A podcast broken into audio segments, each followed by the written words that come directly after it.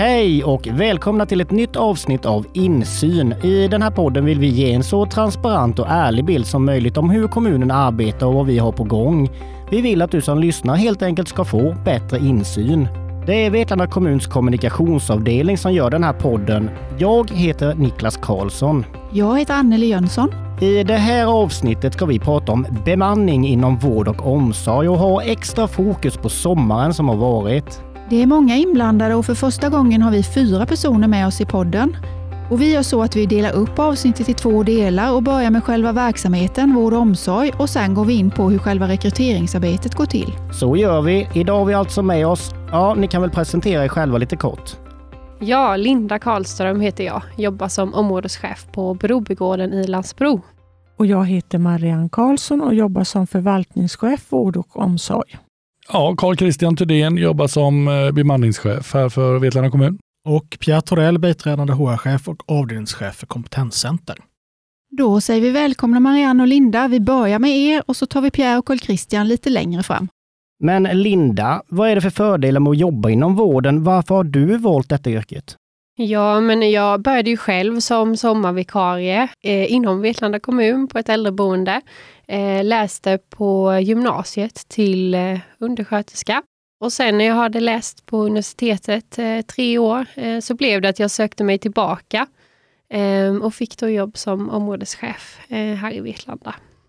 Nej, men jag valde att söka mig till, till vård och omsorg för jag tänker att det kommer ske mycket förändringar inom vård och omsorg för att bemöta den här kompetensbristen och, och utmaningarna som vi möter. Eh, och där vill jag vara med eh, och göra skillnad, komma med idéer och tankar och påverka. Marianne, då, du är vård och omsorgschef. Hur många brukare har kommunen och hur många medarbetare finns det inom vård och omsorg? Ja, vård och omsorg är ju en relativt stor förvaltning och eh, ungefär så har vi tusen medarbetare i vår förvaltning och antalet brukare rör sig mellan 600-700, varierar ju lite grann över tid. Så det gör. Och vi har ju både eh, hemsjukvård, hemtjänst, boende för äldre, boende inom funktionshinder och socialpsykiatri. Så det är ju en stor målgrupp vi har att eh, ge vård och omsorg till. Och utifrån det här, då, hur många vikarier behöver förvaltningen varje sommar? Vi brukar säga att vi behöver 300-400 vikarier varje sommar för att våra med ordinarie medarbetare ska få sin sommarsemester. Men Linda, då på Brobygården, hur många brukare och medarbetare ansvarar du för? Ja, på Brobygården har vi 40 lägenheter eh, och där är det 39 boende och en lägenhet har vi som växelvårdsplats. Och jag har ansvar för 42 medarbetare. Men inför sommaren då, hur kändes det? Vi visste ju inför den här sommaren tidigt att det skulle bli svårt att rekrytera sommarvikarier. För vi såg ju den tendensen redan förra sommaren. Och under året som har varit så har det, vi har sett ett minskat inflöde. Ja, Linda, hur kände ni på Bobygården? Hade ni läget under kontroll inför sommaren? Ja, men arbetet börjar ju redan i december, januari med att eh, ja, vi får in nya ansökningar och vi tar kontakt med dem och eh, att de här nya försöker komma in i verksamheten. Eh, sen har vi ju timvikarier sen innan i verksamheten också som vi försöker fånga upp och alltså att de känner en trygghet med, men jag har sommarjobb eh, i år, jag behöver inte söka annat. Eh, men det är klart att eh, man jobbade ju med, med sommarplanering ända till sommaren var där. Eh, så det är klart att man kände eh, lite press och stress. Hur ska det bli och blir det bra? Blev det bra då? Ja, men jag har ju pratat med personalen här efter sommaren, både ordinarie och vikarier. Eh, och man upplever det ju olika. På vissa avdelningar har det funkat väldigt bra. Och på andra avdelningar kanske det har varit mer frånvaro som då inneburit att det har varit svårt att få in någon ersättare och man har fått jobba extra. Det är ju så att inför sommaren, så när de första skulle gå på semester, så var ju eh, en hel del eh, turer, rader vakanta för andra semesterperioden. Så vi har jobbat med semesterplanering under egentligen under hela semesterperioderna, under hela sommaren, för att få till eh, så det har funnits vikarier på de turer som har behövts. För det har funnits vakanta turer där vi inte har hittat någon. Och hur fungerar det då om ni inte hittar en vikarie till en sån här vakant tur? Prio ett är ju att eh, brukaren ska få det brukaren har rätt till som har en beviljad insats. Är det i hemtjänst så kan det hända om det är väldigt eh, ont om medarbetare så att man får prioritera insatserna. Man kanske får flytta på ett städ. En städinsats en vecka kanske får bli framflyttad några dagar. Eh, en duschinsats kan också bli framflyttad några dagar. Eh, jag tänker om det, om det uppstår en vakans eh, så innan man kommer till det steget att ja, men vi får skjuta på dusch eller städ som Marianne sa, så på, på ett äldreboende då, då försöker man ju jobba med vad har vi för resurser i huset? Kan vi ringa en annan avdelning? Kan de frigöra någon i ett par timmar? Eh, vi har ju haft en service, ett servicebiträde på, på huset också i sommar som vi har använt oss av.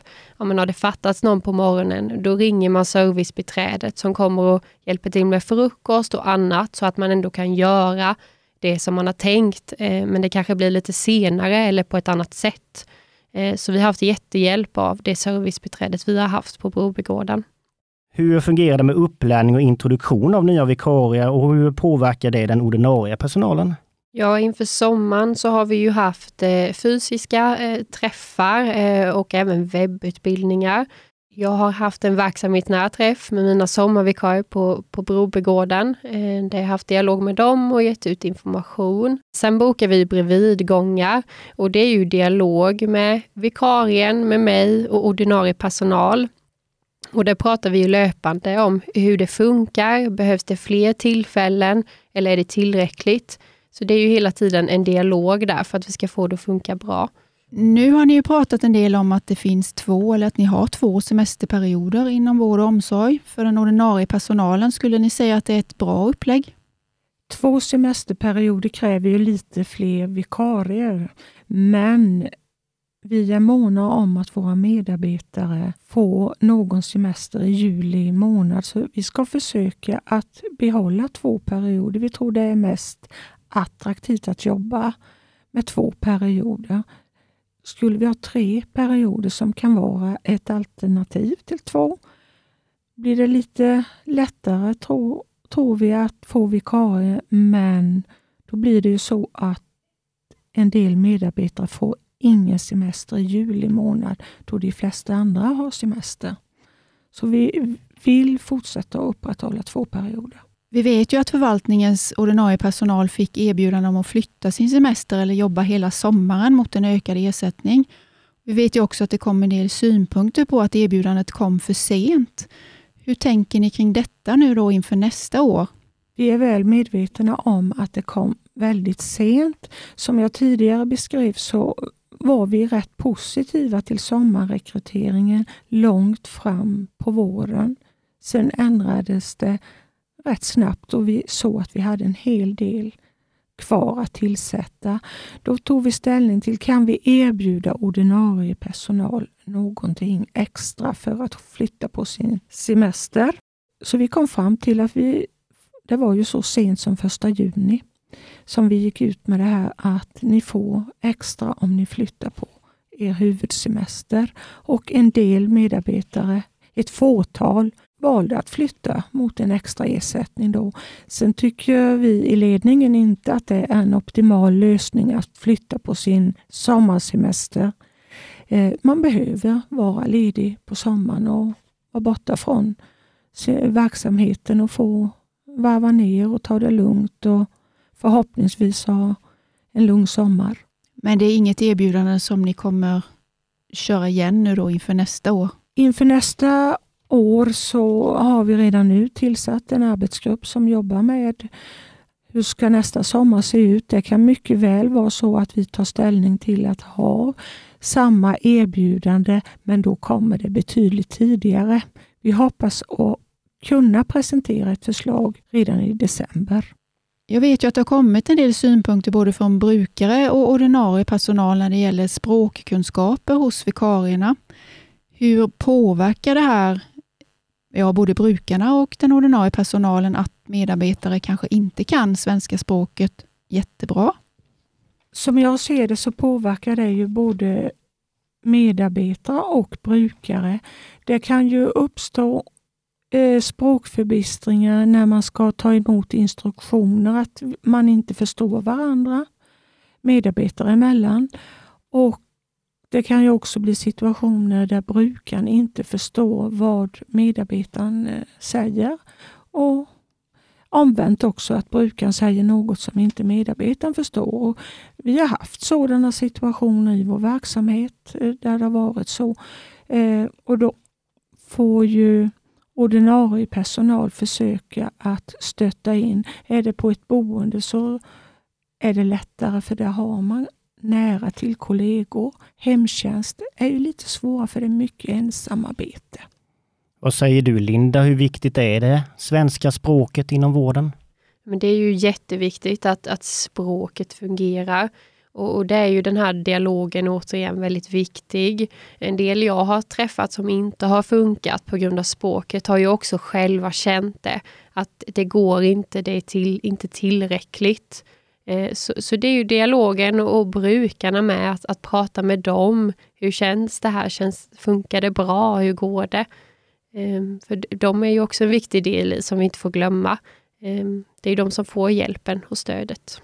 Men då tänker jag både utifrån att det kan finnas personal inom vård och omsorg som inte har undersköterskeutbildning och då att det kan vara vissa eh, oklarheter kring språk och så vidare. Hur påverkas patientsäkerheten? Det är ju sjuksköterskan som eh, ser till att patientsäkerheten upprätthålls ute på respektive verksamhet.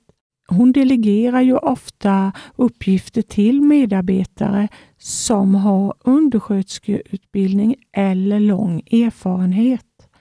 Är det så man inte kan förstå en, svensk, en instruktion på svenska så blir det ju svårt att delegera. Då blir det ingen delegation. Då blir det ingen delegation. För skulle man delegera i en sådan situation där det är lite problem med att förstå svenska språket, blir det ju en sänkt patientsäkerhet. Och det vill vi inte ha. Vi ställer ju krav. Funkar inte språket, nej men då kan man inte jobba. Eh, så det är inte så att vi, vi tar in alla som söker. Eh, så Man måste ju ändå ha kompetensen och, och bemötandet och språket för att det ska funka.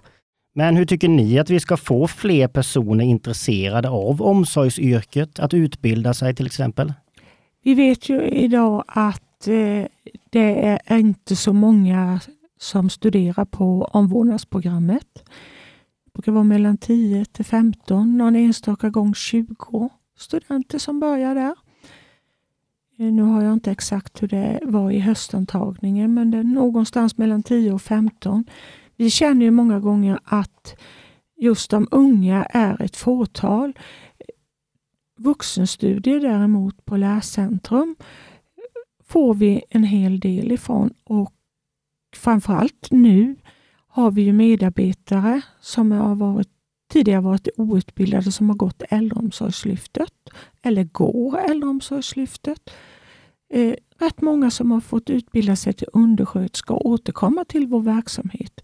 Och Äldreomsorgslyftet är ju via statliga medel som man går med på betald arbetstid och utbildar sig till undersköterska. Mycket positivt. Jag tänker att eh, om en stund ska vi få höra lite från Pierre och Carl Christian kring själva rekryteringsarbetet. Men när börjar ni? Pratade lite löst om det innan, men det är ganska snart som ni redan börjar tänka på nästa sommar, eller hur? Ja, vi har ju tänkt att börja tänka på nästa sommar nu. Och vi har ju redan fört diskussioner eh, om hur ska vi gå tillväga nästa sommar. Och vi vill ha en tydlig plan för hur vi ska lyckas till nästa sommar. Att eh, få in vikarier. Och vikarier har vi ju över hela året och är det är ju en jätteviktig resurs i vår verksamhet. Och att börja som vikarie är ju en väg in till en fast anställning, eller hur? Ja, precis så är det ju. Ja, men Linda, några avslutande ord här? Har du eller vet du någon som har eh, intresse av vården och, och vad det innebär att, att jobba inom de här olika funktionerna, så ta en kontakt med, med bemanningsenheten eh, och börja där. Eh, det finns stora fördelar med att börja som timvikarie i verksamheten. Eh, också inför sommaren så underlättar det om man har jobbat som timvikarie innan. Då blir inte startsträckan eh, lika lång. Eh, sen vill jag slutligen skicka med till, till alla som har jobbat inom vården i sommar att eh, nej, ni är fantastiska och fortsätt att kämpa på. Vi ser och hör allt fantastiskt som ni gör varje dag. Inte bara under sommaren. Och jag kan då tacka alla sommarvikarier för det har trots allt negativt som har varit kring sommarrekryteringen så har ju verksamheten fungerat väldigt väl. Och jag vill skicka med att våga prova eh, vårdyrket. Det är ett flexibelt yrke. Man får träffa så många eh, människor, olika människor, som ger väldigt mycket tillbaka. Jag vill också tillägga att det är otroligt mycket glädje eh, glädje med att jobba inom vården. Eh, från kollegor och från, från brukare. Eh, även när det är tufft så, så finns det många fina stunder. Då tackar vi Marianne och Linda för att ni kom hit och svarade på våra frågor. Tack, tack. Då ska vi fortsätta och gå in på själva arbetet med att fånga upp och rekrytera vikarier. Pierre och Carl Christian, nu är det dags för er. Om vi börjar med vad har Kompetenscenter för uppdrag när det handlar om att rekrytera sommarvikarier till vård och omsorg? Vi samarbetar med vård och omsorgsförvaltningen sedan ett antal år tillbaka för att jobba med sommarrekryteringen. Och det handlar om att lägga upp strategi för rekrytering av sommarvikarier och det börjar vi med redan tidig höst, året innan. Vi jobbar sedan med en kommunikationsplan ihop med kommunikationsenheten och vi jobbar med olika former av event för att marknadsföra våra sommarjobb. Och rent konkret så jobbar vi också med att intervjua, ta referenser och förmedla ut förslag av sommarjobbare ut till områdescheferna. Sen tar områdescheferna vid när det gäller bredvidgång och så vidare. Så att det är konkret vårt uppdrag. Marianne berättade ju tidigare hur många vikarier som vård och omsorg behöver varje år och det är ju väldigt många. Hur många var det som sökte i år och hur ser det ut jämfört med tidigare år? Tittar vi på behovet så är det ju ungefär 400 sommarjobbare till vår omsorgsförvaltningen. Och på den annonsen vi haft ute nu så har vi haft 655 sökande. Det är ungefär, eller det är eh, något bättre än vi hade 2019 före pandemin. Däremot eh, bästa året eller högsta året var ju 2020 som var pandemiåret. Då hade vi strax över 700 och eh, året senast här nu då 2021 så hade vi eh, strax under 700. Så att i nivå med vad det var före pandemin och till och med lite bättre när jag tittar på statistiken. Men vilka är det som söker? Är det någon speciell grupp man kan peka på eller hur ser det ut? Det är väl egentligen alla, allt ifrån adekvat utbildade till eh, de som inte har någon adekvat utbildning. Eh, eh, det är studenter, det är arbetslösa och så, så det är svårt att, att, säga att det är en särskild grupp. Väldigt många är ju studenter men vi har även pensionärer som, som söker som vill jobba lite under sommaren. Pierre, du var ju inne på det här inledningsvis. Vad är det som Kompetenscenter gör rent konkret? Jag tänker på det här med att vara synliga, vara ute på mässor och sådana saker. Nej, men vi, när vi pratar sommarjobben så, så hade vi förra året en kick-off på Njudungsgymnasiet där vi verkligen eh, festade loss det här, där vi, där vi liksom jobbade på plats för att möta studenterna där eh, för att, att riktigt lansera sommarjobben. Vi, vi är ute på mässor, Jobb och framtid är en naturlig plats för oss att finnas på naturligtvis. Och nu senast, bara härom helgen då, så var vi ute på eh, traktorracet i Nye då, att marknadsföra oss, eh, i det fallet med måltidsservice. Men vi försöker att möta våra medborgare och sökande väldigt nära och framförallt dyka upp på, på platser där vi kanske normalt sett inte finns. Men vi vill ju verkligen visa att det är viktigt och det är roligt att jobba i Vetlanda kommun. Det är vårt mål. Och lite grann där sudda ut den här kanske gamla bilden. Utan det, det ska vara kul och roligt att jobba i Vetlanda kommun. Det är vårt mål. Och vad är den gamla bilden?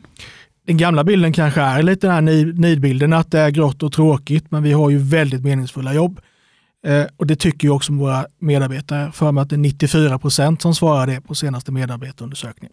Så det är kul och viktigt att jobba.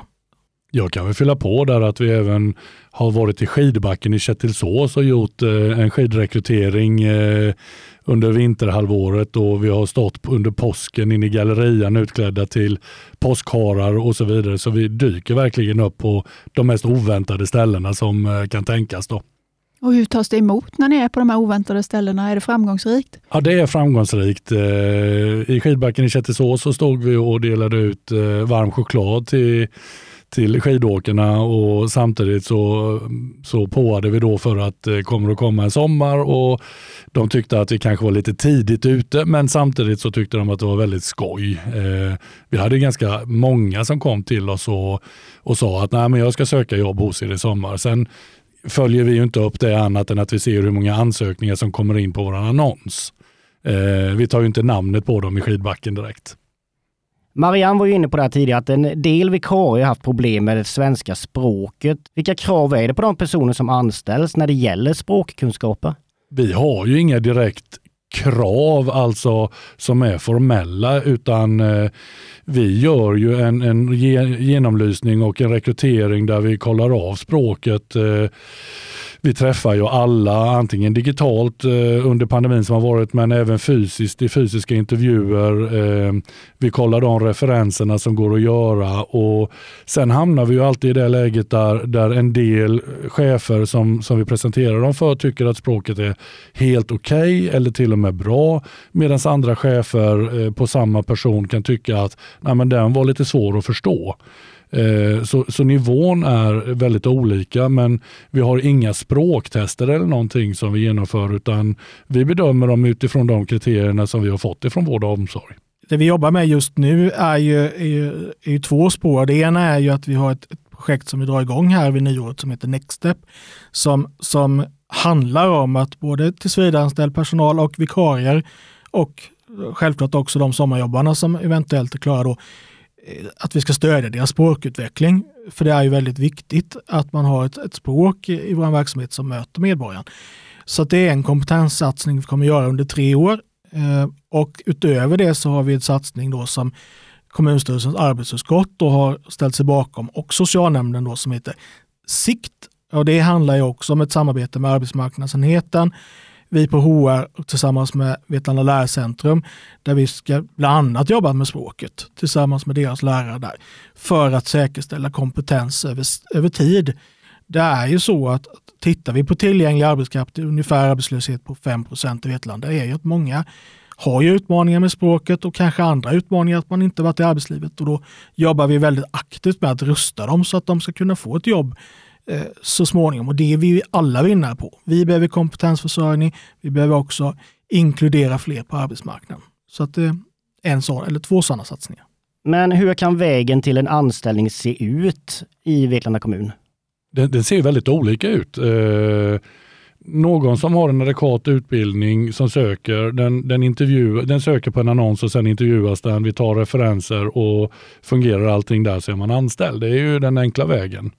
Sen eh, har du andra personer som kanske inte har någon utbildning att tala om. De kan behöva gå via SFI. Eh, det kan vara tal om praktikplatser, det kan vara tal om annan utbildning. Eh, några går genom någon form av projekt, eh, bland annat ett projekt som heter Jobbresan.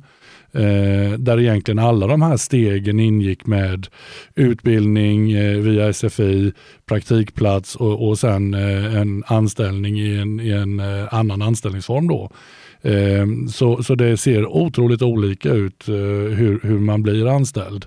Vi jobbar ju hela tiden för att eh, inkludera eh, alltså personer som har hamnat en bit ifrån, eh, ifrån arbetsmarknaden och, och hitta vägar för, som Pierre nämnde tidigare. Så vi har ett behov av kompetensförsörjning och vi har också ett behov av att möta de medborgarna i Vetlanda kommun som har haft problem att komma in på arbetsmarknaden.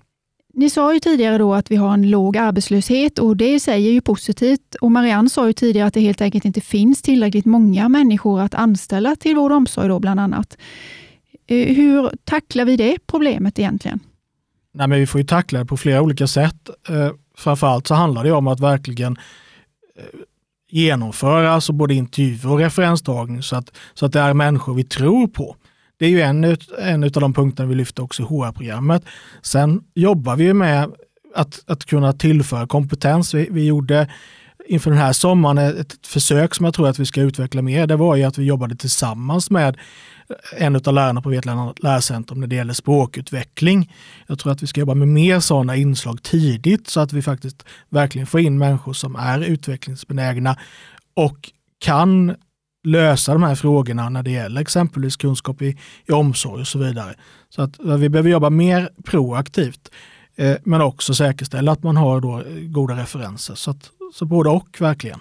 Och då kan jag ju fylla på där att vi hade ett, eh, ett projekt kan vi väl kalla det i sommar där vård och omsorg, eh, särskilda boenden tog in personer som eh, med titeln serviceassistenter som inte jobbade med vård och omsorg utan som mer jobbade med att till exempel sätta fram frukosten och plocka bort frukosten, lunchen och, och lite städning och, och lite sådant.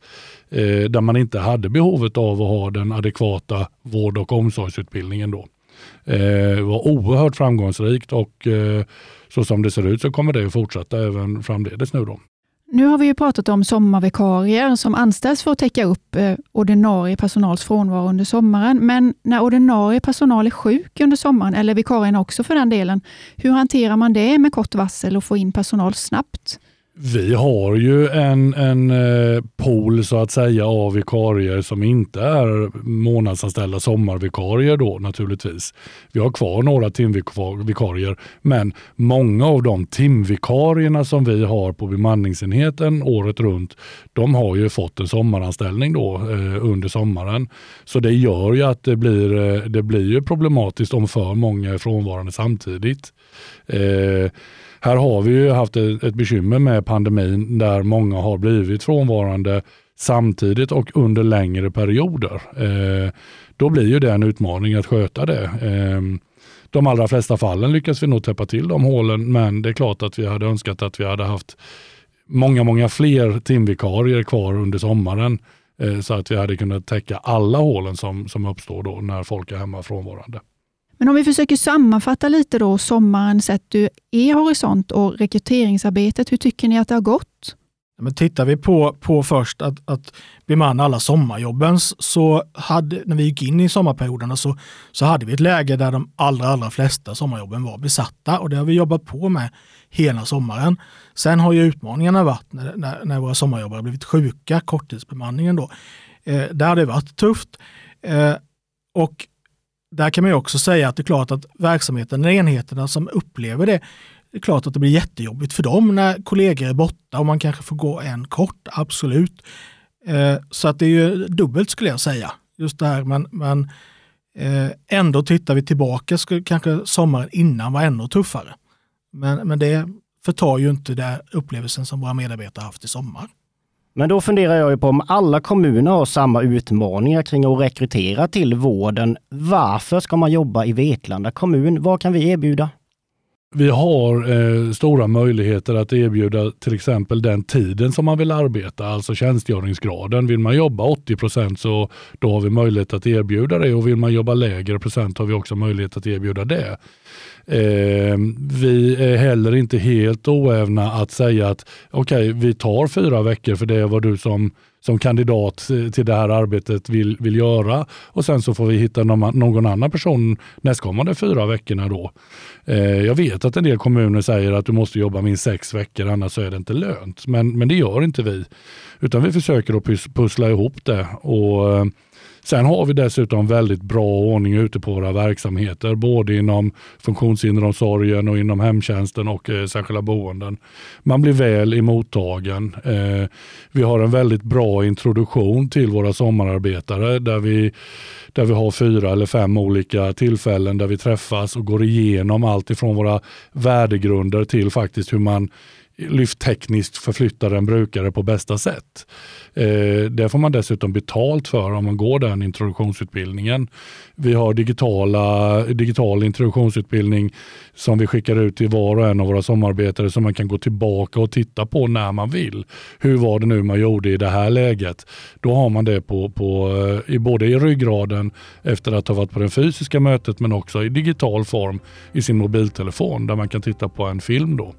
Så jag ser att vi har många saker som är lite unika för den här kommunen som våra grannkommuner till exempel inte kan sätta upp. Då. Jag tänker Carl Christian att det ska vi flika in också att det är väldigt bra inkörsport till en anställning i kommunen eller en referens till vidare arbeten. Plus att, att det är väldigt värdefulla jobb. Att jobba med personer som behöver vår omsorg och man blir väldigt uppskattad och förhoppningsvis får man kul på jobbet. Det är ju jätteviktigt att man känner att det är meningsfullt och roligt, att man har goda kollegor så att man, man känner att det är kul att jobba i kommunen. Då tackar vi er väldigt mycket för att ni kom hit och svarade på våra frågor. Tack så mycket. Tack så mycket. Och vi tackar för oss denna gång och är tillbaka igen med ett nytt avsnitt av Insyn nästa torsdag. Då med ett nytt ämne och nya gäster i studion.